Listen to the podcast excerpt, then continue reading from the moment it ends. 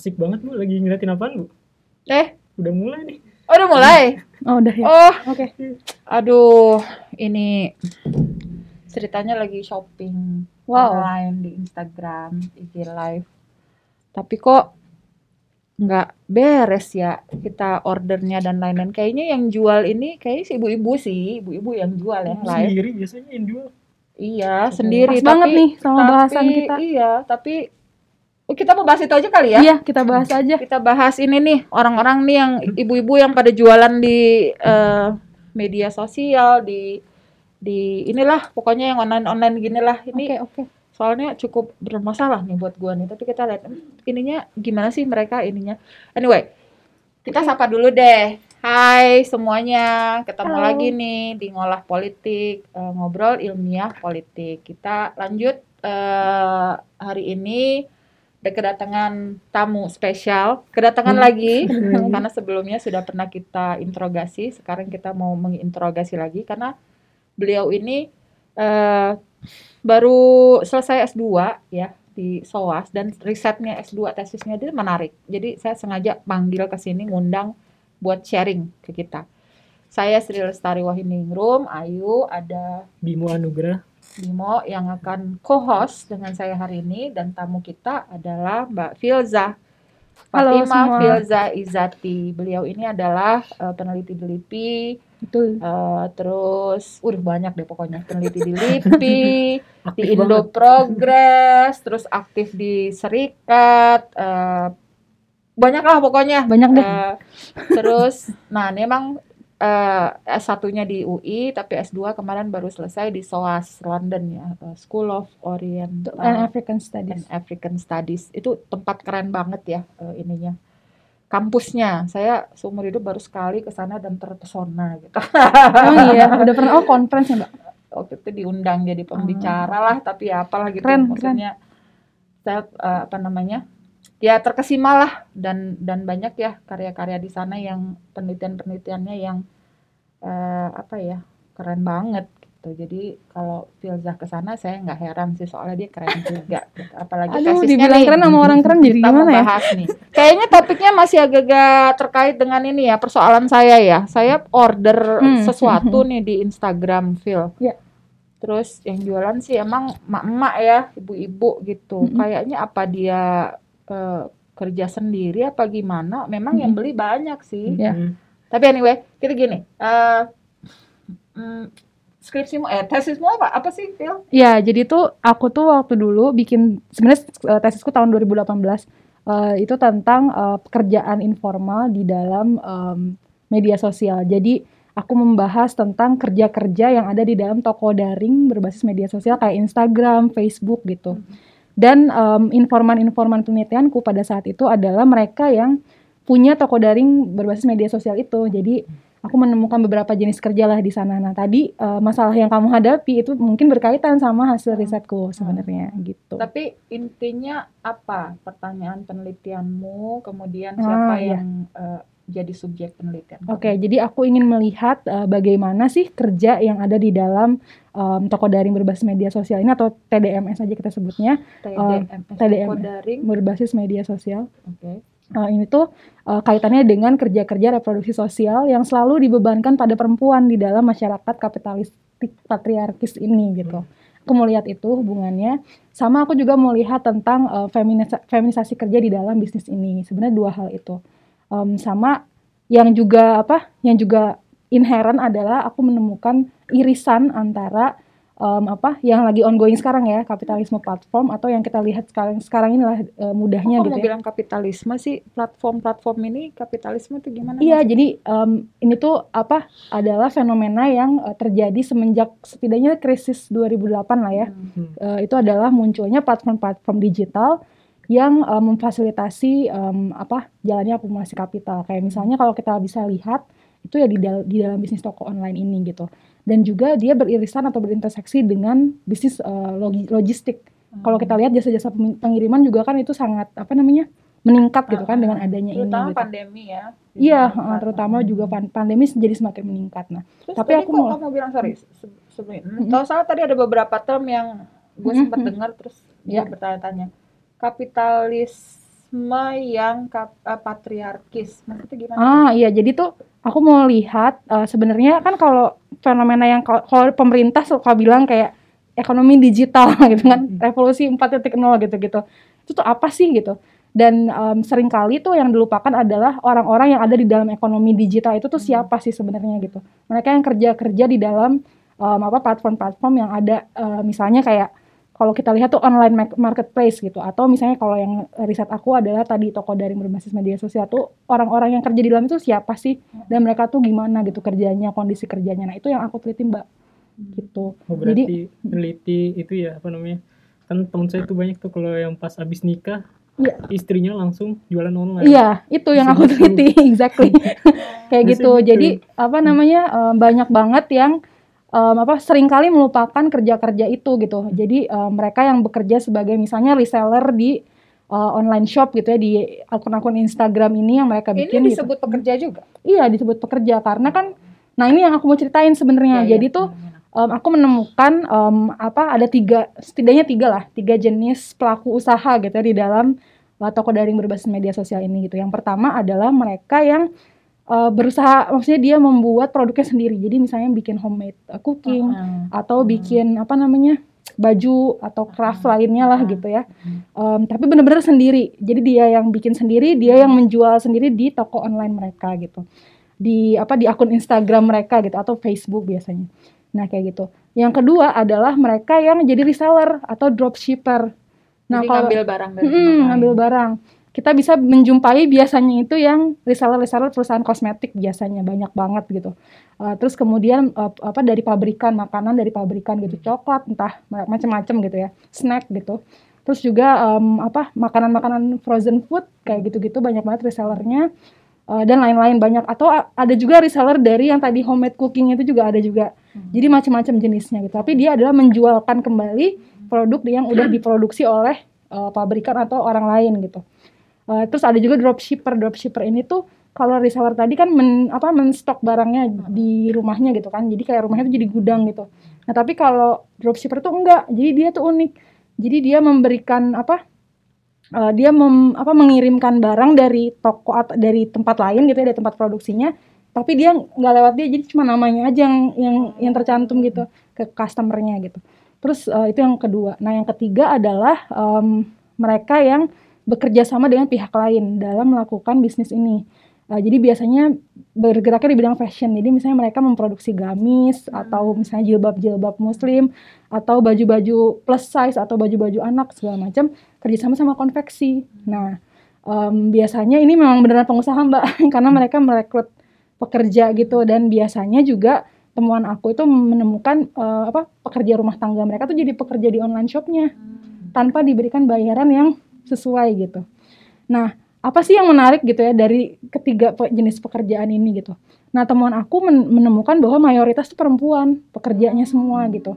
Dari mulai yang tadi bikin apa homemade cooking, terus em, apa craft-craft lainnya, terus juga yang apa reseller dan lain-lain, juga yang kerja di perusahaan apa perusahaan online shop milik pengusaha perempuan itu kebanyakan tuh mereka perempuan juga terutama yang di konveksinya dan juga yang jadi admin sosial medianya atau yang jadi jadi tuh kalau di yang tipe yang ketiga tadi ada assembly lainnya gitu.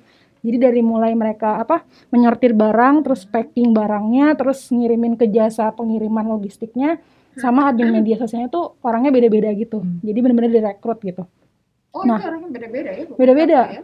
Kalau yang udah gede Terus tuh yang disebut pekerja yang mana? yang tadi yang tadi yang pertama itu kan karena mereka apa bikinnya sendiri bener-bener ngerjain sendiri berarti kan mereka memang mengerjakan semuanya sendiri gitu jadi self employed workers kan terus yang kedua itu kan reseller memang mereka bekerja dong karena em, apa mereka nggak memproduksi itu dan apa hanya menyalurkan aja kan mereka bekerja sebagai apa kalau bahasanya itu salesman ya saleswoman gitu nah terus yang ketiga itu yang mereka yang bekerja di assembly line yang tadi. Jadi misalnya mereka menyortir barangnya atau apa me- mempacking barangnya terus mengirimkan barangnya dan juga yang jadi admin sosial medianya yang benar-benar apa interaksi langsung sama customernya gitu. Dan juga yang tadi yang kerja sama sama si pengusahanya yang di konveksinya itu kan juga part dari pekerja mereka cuma nanti ke- ketahuan tuh model kerjanya gimana gitu nah kebanyakan dari mereka itu pekerja-pekerjanya ini semua itu perempuan gitu dan kebanyakan lainnya lagi adalah ibu-ibu rumah tangga yang tadi habis menikah langsung buka online Online shop shop. gitu kan. Nah, itu adalah dan eh, karena mereka ibu rumah tangga, eh, apa mereka tuh kan perempuan dan ibu rumah tangga. Nah, mereka kenapa terjun ke bisnis itu karena ada ilusi tentang fleksibilitas, Mbak. Jadi kayak karena dari rumah dan apa namanya? Em, apa namanya? be- kayaknya bebas dilakukan kapan aja gitu. Jadi ya udah deh saya terjun ke bisnis ini gitu karena tetap bisa menjalankan kewajiban sebagai Fungsi domestik. Iya, sebagai em, apa penanggung kerja reproduksi sosial yang nggak dibayar di rumah tangga itu kan gitu, merawat anak dan Jadi lain-lain. kalau ibu rumah tangga itu pekerja ya? Iya, iya dong. Jadi, nah nanti aku masuk ke situ. Nah jadi mereka tuh karena merasa kayak gitu, jadi ya udah deh aku mau terjun ke bisnis ini karena aku sambil bisa nyari-nyari uang tambahan bahasanya gitu kan, Hmm. sama juga tetap bisa mengurus rumah tangga dan anak. Tapi ternyata temuan aku berkata lain, Mbak. Jadi sebenarnya pertama mereka itu bukan nyari uang tambahan aja sebenarnya karena kerjanya bener-bener full full. Jadi bukan malah eh, pemasukan utama. malah pemasukan utama gitu kebanyakannya gitu dan em, apa biasanya juga yang terjun ke bisnis ini adalah yang memang menyeriusi ya itu suaminya juga memang nggak punya pekerjaan yang tetap gitu. Tadi korban apa eh, sistem pasar kerja yang fleksibel ini gitu kan. Nah jadi sebenarnya dia adalah em, apa breadwinner sebenarnya gitu. Cuma karena dia selalu diposisikan di masyarakat itu kan sebagai eh, pencari nafkah tambahan ya. Hmm. jadi merasa ini tuh iseng-iseng aja gitu. Jadi ini tuh cuma eh, apa cari-cari uang tambahan lah gitu. Terus aku tanya kan berapa jam kerja? Nah, rata-rata tuh lebih dari 8 jam. Karena Oh, misalnya kamu harus aja 8 jam. Iya, kayak misalnya tadi kalau chat sama customer aja kan harus melayani DM lah, WhatsApp atau apa itu kan ber, ber- apa namanya berjam-jam dan udah gitu juga harus membangun kepercayaan kan itu kan kerja-kerja reproduktif juga tuh yang apa yang harus dilakukan gitu dan belum lagi customer yang lari misalnya atau Hmm. customernya yang misalnya nggak nggak transfer transfer atau apa PHP, segala- PHP. PHP gitu kan yang ghosting. Soalnya ghosting. Soalnya kalau ikut ini live-nya kan selalu ada keluhan PHP. PHP apa bener ya kayak gitu. Nah kayak gitu kan. Nah terus udah gitu yang kedua adalah selain tadi ya dianggap sebagai pencari nafkah tambahan padahal kerjanya full yang kedua sebenarnya mereka nggak fleksibel. Karena menurut para informan yang aku wawancarai jadi mereka harus tetap memilih mau kerja ini atau mengurus anak. Karena nggak bisa dua-duanya ternyata. Karena kan nggak bisa tuh sambil chat Hmm. terus sambil juga mengepel susah juga gitu atau sambil mengirim barang mereka harus eh, misalnya sambil Jemput anak. Nah, misalnya nggak bisa, jadi tetap mereka tuh nggak ada tuh fleksibilitas itu gitu. Dan kemudian untuk yang tadi em, jenis ketiga tadi yang mempekerjakan em, apa orang lain gitu, banyak juga yang mempekerjakan tadi dari pekerja rumah tangga mereka atau neninya gitu ya dipekerjakan di online shop mereka dan nggak dibayar. Jadi kayak bantu-bantu lah. Bantu-bantu lah Iya. gitu, padahal kerjanya tuh banyak gitu. Padahal nambahin kerja domestik. nambahin nambah eh, nambahin kerja gitu. Dan udah gitu ada juga yang cuma menggajinya itu shelter aja. Jadi kayak ya udah yang penting saya udah provide dia shelter di rumah saya gratis kan Kasih gitu. makan. dikasih makan dan tempat tinggal. Tapi nggak dibayar padahal tuh kerjaannya banyak banget. Apalagi kalau levelnya udah kayak perusahaan saya gamis yang udah banyak lah pembelinya gitu. Pembelinya atau banyak. udah banyak udah omsetnya banyak terus eh, segala macam itu ya udah eh, ini kan cuma bisnis rumahan gitu Hmm. jadi santai aja lah ini kan cuma iseng-iseng padahal kalau dilihat kerjanya tuh nggak iseng-iseng bener-bener dari pagi sampai malam dari pagi sampai malam kayak gitu dan nggak dibayar gitu jadi eh, apa ada juga prosesnya tadi feminisasi kerja memanfaatkan Feminisasi kerja itu maksudnya gimana, Phil? eh, feminisasi kerja itu adalah dia proses eh, apa namanya eh, masuknya apa memanfa apa dimanfaatkannya nilai-nilai patriarkal dalam eh, ekstraksi nilai lebih. Nah, susah ya.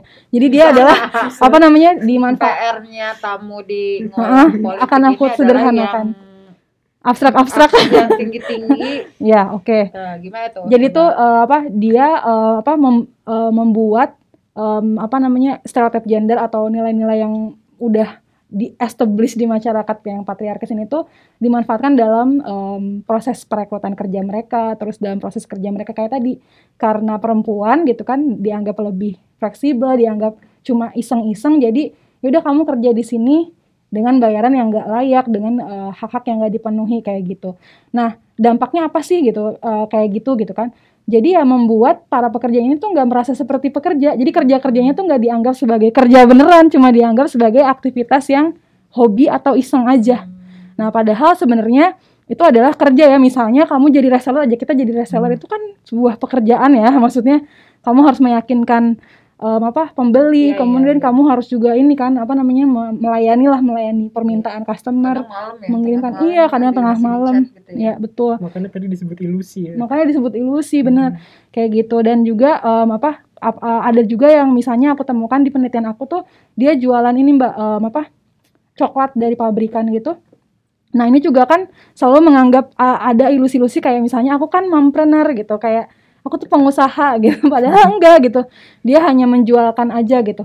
Nah eh, kayak tadi pabrik di pabrik coklat ini tuh bahkan dia bekerjanya sampai tengah malam Iya. karena coklat ini kan kalau dikirim tuh kalau makanannya spesifiknya makanan apa pun lah eh, termasuk si coklat ini tuh kalau dikirimnya telat atau nggak sesuai dengan availability si customernya itu bisa meleleh lah atau apa jadi harus benar-benar maintenance itu gitu dan yang kayak gini-gini kan selalu luput ya selalu dianggapnya itu adalah ah itu kan pekerjaan gampang atau bahkan bukan kerja. Nah terus udah gitu ada juga beberapa informan aku itu yang eh, menganggap bahwa ah sebenarnya aku tuh mau terjun ke online shop ini tuh karena untuk ber, apa ya berinteraksi dengan dunia luar.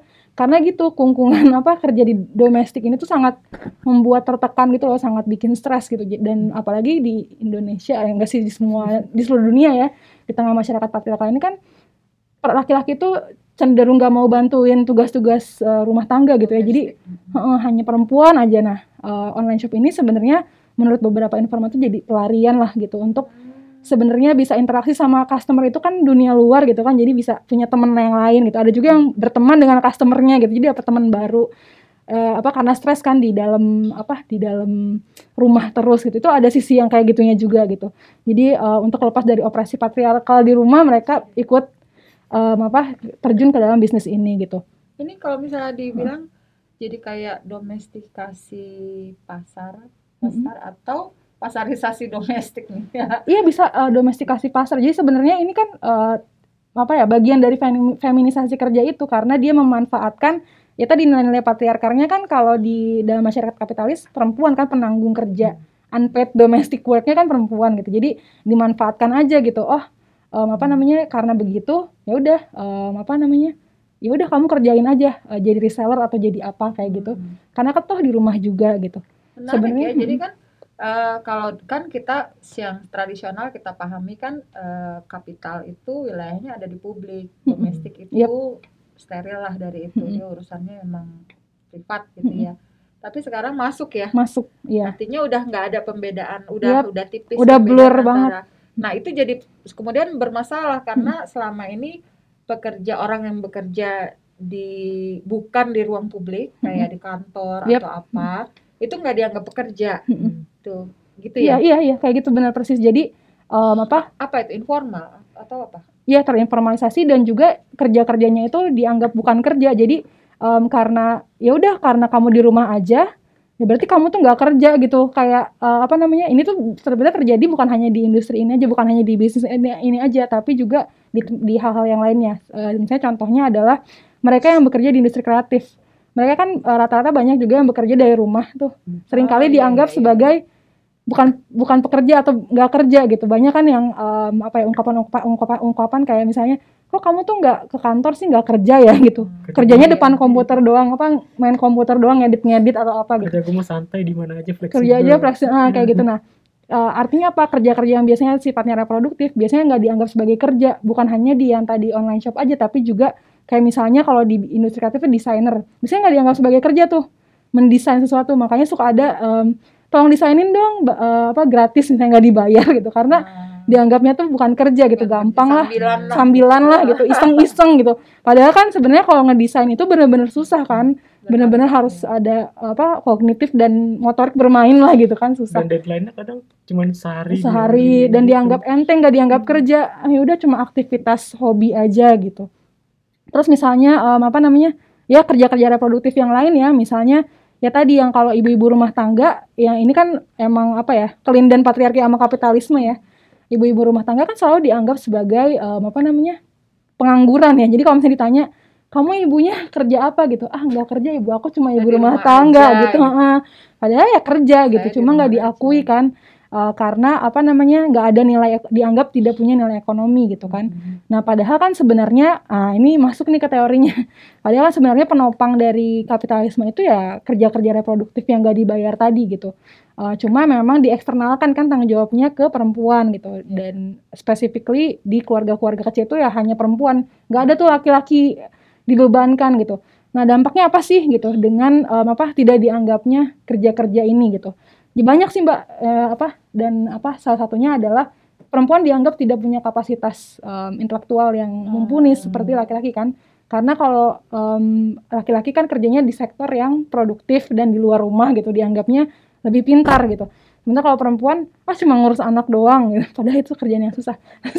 cuma apa? ngurus anak terus kalau anaknya tidur bisa sambil senggang-senggang jualan Ah iya, gitu itu ya. bener itu banget ya. Jualan Bisa sambil happy happy main HP gitu kan, browsing browsing, jualan apa susahnya gitu kan. Nah itu dianggap nggak bisa ngambil keputusan keputusan sendiri, nggak bisa dianggap jadi jauh gitu implikasinya gitu. Jadi nggak nggak bisa dianggap memimpin, eh, di apa nggak bisa apa memberikan apa ya keputusan yang sifatnya lebih untuk publik segala macam. Jadi dampaknya tuh jauh sebenarnya gitu. Dan em, selain itu kalau di di apa di dunia kerja yang lebih pemula lagi gitu ya itu juga ada dampaknya di kerja-kerja yang kayak eh, anak magang jadi kayak misalnya karena biasanya magang ini kan hanya dianggap bantu-bantu itu juga jadinya dianggapnya ya udahlah kamu kan cuma bantu-bantu nggak dibayar kayak gitu-gitu jadi banyak banget eh, hal-hal yang em, apa berkaitan sama kerja-kerja reproduktif reproduktif ini tuh jadi nggak dianggap sebagai kerja kayak gitu. Kalau sempat sempat menganalisis secara kuantitatifnya juga nggak? Maksudnya Hmm. kalau kayak sebelum pandemi dengan setelah pandemi Hmm. apakah ini jadi fenomena yang naik meningkat? Ya pasti meningkat ya Meningkat. tapi signifikan nggak Nah, kalau kuantitatifnya aku belum, Mbak. Belum. tapi ada ada ada ada ada kaitannya nggak dengan situasi pandemi ada ada banget. Kalau kualitatifly aku lihat sih. Jadi kalau eh, semenjak pandemi tentunya bebannya jadi lebih Hmm. lebih berlipat ganda. Sebelumnya kan beban ganda, ini sekarang jadi berlipat ganda karena semua anak-anaknya misalnya harus kerja eh, harus sekolah dari rumah. Iya. Terus Oh, suaminya iya, pun kan benar. kerja dari rumah misalnya. Jadi tanggungannya lebih banyak, jadi lebih dia harus memperhatikan anak-anaknya sekolah. anak sekolah Ya, PR, banget, bikin PR. Tapi di sisi lain dia juga harus tetap menjalankan si online shop ini gitu. Nah, terus apa kaitannya sih misalnya dengan uh, online marketplace yang besar-besar ya, perusahaan yang kita sering dengar tet misalnya gitu ya. Uh, Oh, nah, misalnya gitu. kok kayak es krim misalnya apa sih kaitannya gitu. Nah, sebenarnya banyak dari antara mereka tuh yang uh, apa namanya? punya akun lah di online marketplace ini gitu. Tapi banyak juga yang enggak.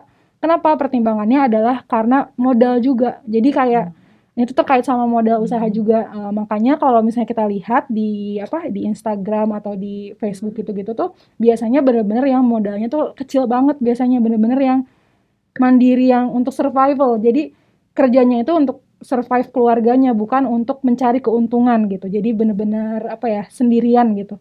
Nah yang aku tulis itu yang kayak gitu, yang rata-rata juga enggak channeling usahanya ke online marketplace yang besar-besar kayak gitu. Nah terus eh, aku sempat nanya juga soal misalnya em, apa sih em, apa ya?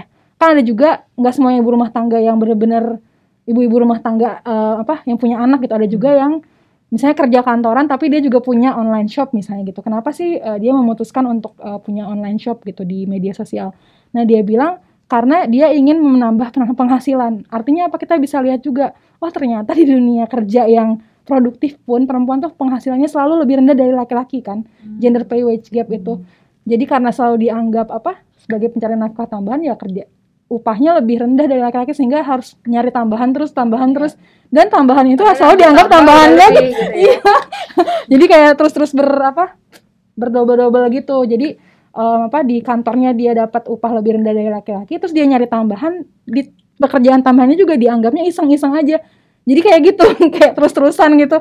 Wah, ini menarik banget sih karena em, apa namanya? banyak juga yang nggak menyadari tadi, em, oh aku kan entrepreneur, aku kan pengusaha gitu, aku bukan pekerja. Padahal enggak gitu. Kalau misal apa konsekuensinya? Jadi mereka juga nggak tahu hak mereka sebagai pekerja gitu misalnya em, apa namanya oh eh, sebagai pekerja itu aku berhak ya untuk misalnya me- meminta sesuatu ke perusahaan yang tadi misalnya ada perusahaan kosmetik katakanlah gitu ya Em, dia menjualkan produknya gitu oh ternyata sebagai pekerja aku seharusnya bisa menuntut sesuatu ya ke perusahaan yang aku menjualkan produk-produknya gitu. Tapi karena nggak merasa itu jadinya ya udah gitu. Kalau sekarang bahasa trennya itu memang itu entrepreneur. Iya, Ternyata entrepreneur. di balik entrepreneur itu ada tragis, Iya. ada ada tragedi. ada kayak karena kan kalau yang mungkin yang kategori pertama yang tadi dia bikin ya home cooking mungkin dia bisa dibilang sebagai entrepreneur karena dia kan memang memproduksi barangnya sendiri gitu kan. Hmm. Tapi kalau yang untuk kategori kedua dan pekerja di yang tadi bekerja sama sama konveksi misalnya itu kan nggak bisa gitu.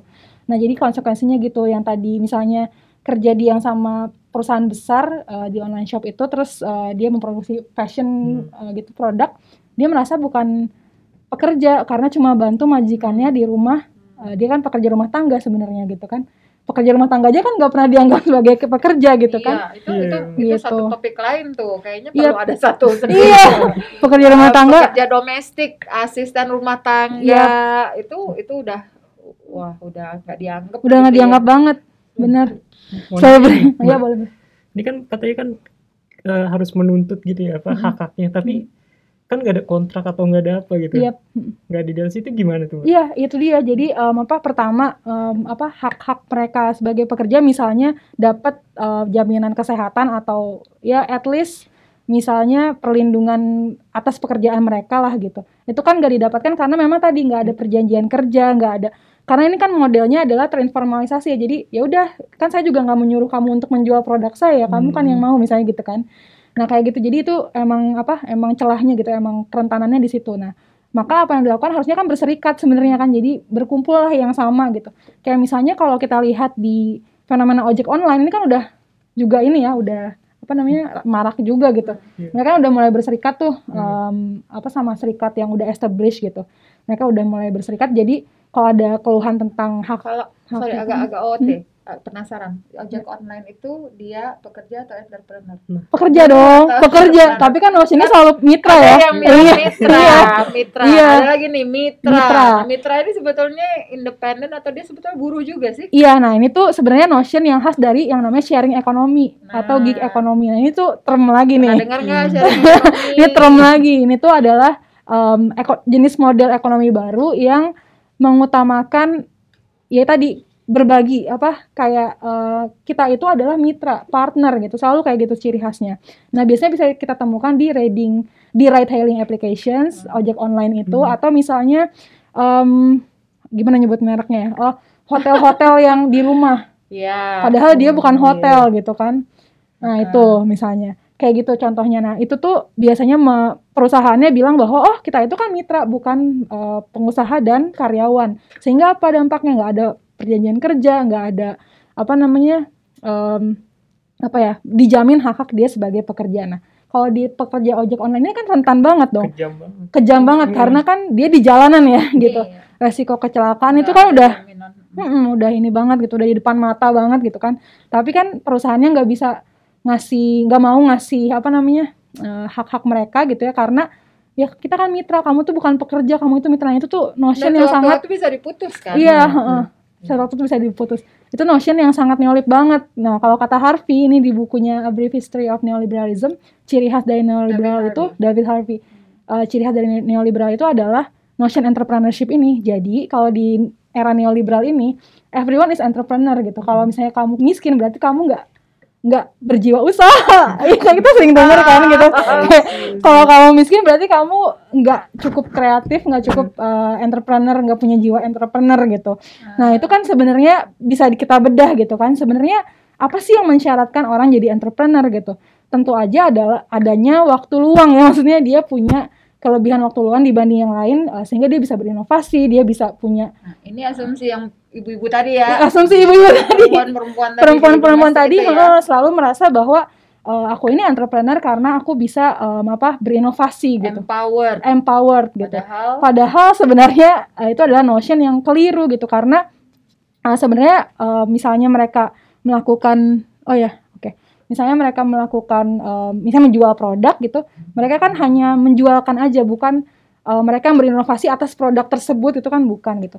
Kayak gitu-gitu. Jadi em, apa dan ini tuh juga sering disalahpahami di industri kreatif mbak. Jadi eh, bim jadi misalnya Kalau Kalau- nggak salah sindikasi ya, kamu kan Iya, di sindikasi ya. Yap. Sindikasi ada risetnya ya itu ada ya. ada. Gimana jadi em, apa misalnya yang tadi notion ini ya entrepreneurship ini tuh yang sangat keliru deh gitu. Misalnya pekerja industri kreatif tuh selalu merasa em, ya semuanya tuh kreatif gitu. Maksudnya eh, kita adalah pekerja yang kreatif gitu. Jadi Nah, sebenarnya out lah. Heeh, jadi harus apa namanya YOLO gitu. Passion dedikasi harus diberikan gitu. Nggak tidur nggak apa-apa gitu kan. Nggak Hmm. istirahat nggak apa-apa. Akhirnya apa? Dampaknya kan kesehatan kesehatan fisik mental gitu kan terganggu juga gitu. Nah jadinya eh, itu juga dimanfaatkan dalam hal kayak gitu gitu. Mengeksploitasi dengan mengabaikan resiko-resiko kerja yang dihadapi gitu.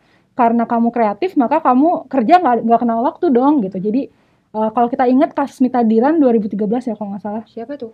itu adalah copywriter yang meninggal Oh, yang eh, ini ya, kurang istirahat. Iya. Nah, 2013 ya. Nah, itu kurang istirahat 30 jam nonstop eh, bekerja gitu.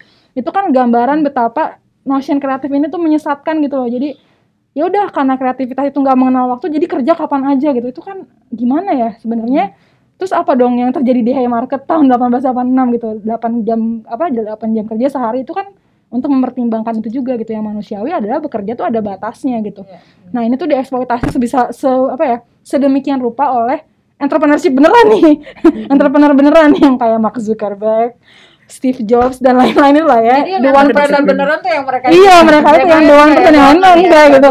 Iya yang yang one percent ini gitu Mark Zuckerberg dan lain-lain yang punya inovasi tadi karena punya apa Ini waktu lucu luang nih, gitu. karena kurikulum kampus merdeka yang baru itu ya eh, mahasiswa itu memang diarahkan untuk ini nih Wow. entrepreneur Hmm. jadi creative worker Hmm, gitu hmm, ya hmm. jadi dikasih tuh skill-skill intinya supaya eh, mahasiswa siap di pasar tenaga kerja Iya, yang ternyata nggak ada pasarnya murah, gitu iya. karena collab semua Iya, benar, kapitalisme collab hari-hari ini gitu Iya, kan benar, setelah benar. pandemi nah jadi itu tuh kayaknya diarahinnya ke kreatif em, tapi ya gitu ya resikonya jadi besar ya Iya, sebetulnya ya. resikonya besar gitu. Selain tadi kerjanya nonstop karena kreativitas ada itu nggak mengenal batas gitu nggak ya. ada haknya ada juga, haknya jelas juga, haknya uh-uh. ya.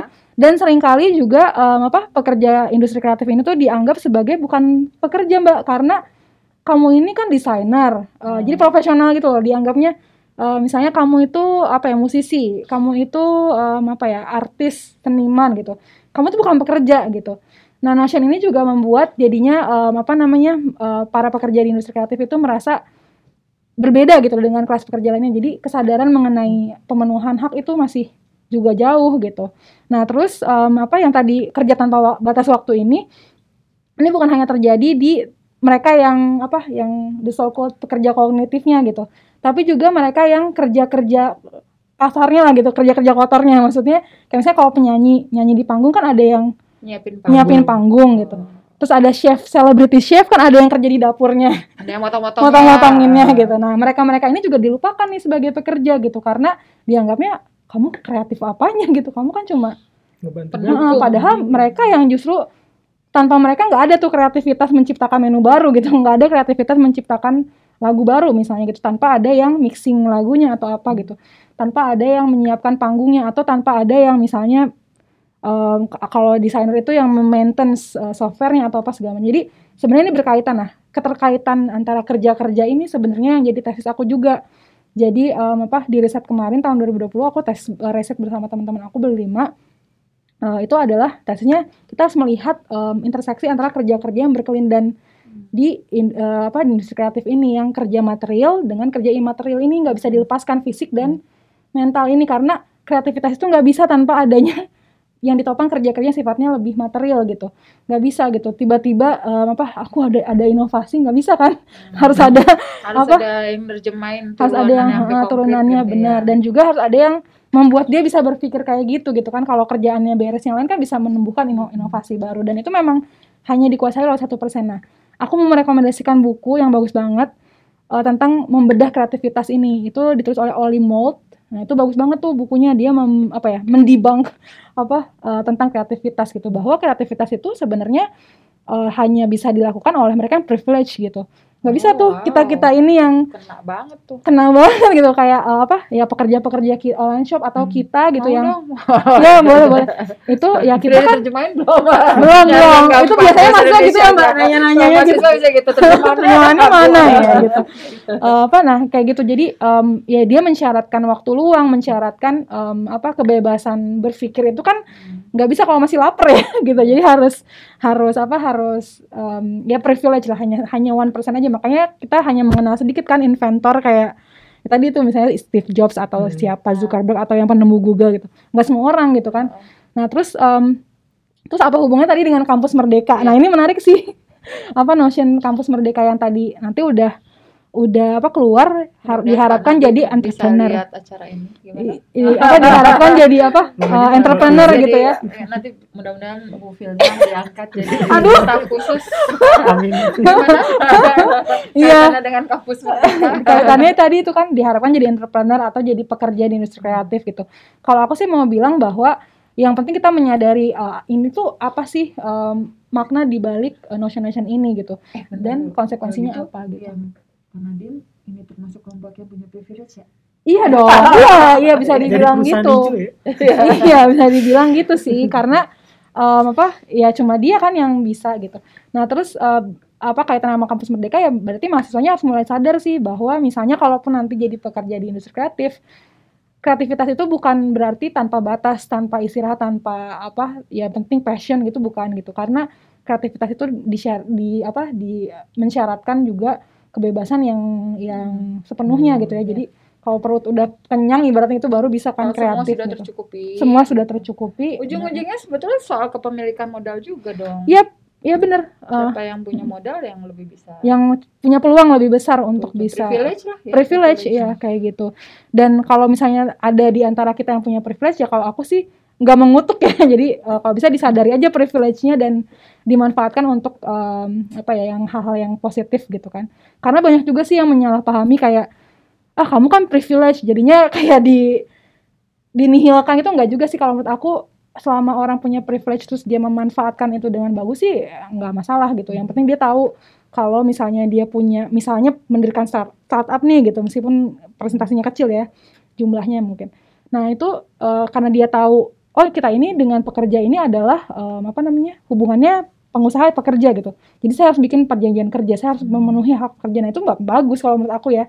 Daripada misalnya nah, hanya sekedar ah itu kan privilege gitu. Jadi ya udah gitu. Enggak tapi kalau bisa karena kamu tahu privilege gitu ya misalnya nanti mahasiswa dari kampus merdeka keluar gitu kan bi- bikin startup ya sadarilah gitu bahwa kamu dan pekerja startup kamu itu adalah hubungannya seperti itu. Jadi harus ada perjanjian kerja harus dipenuhi. Kalau pekerjamu mau berserikat dibolehkan harus diberi ruang kayak gitu gitu sih Saya boleh nanya nggak bu nih? boleh Dari Hmm. di tengah Jadi kekejaman, editornya udah disuruhin. Iya, ini terakhir.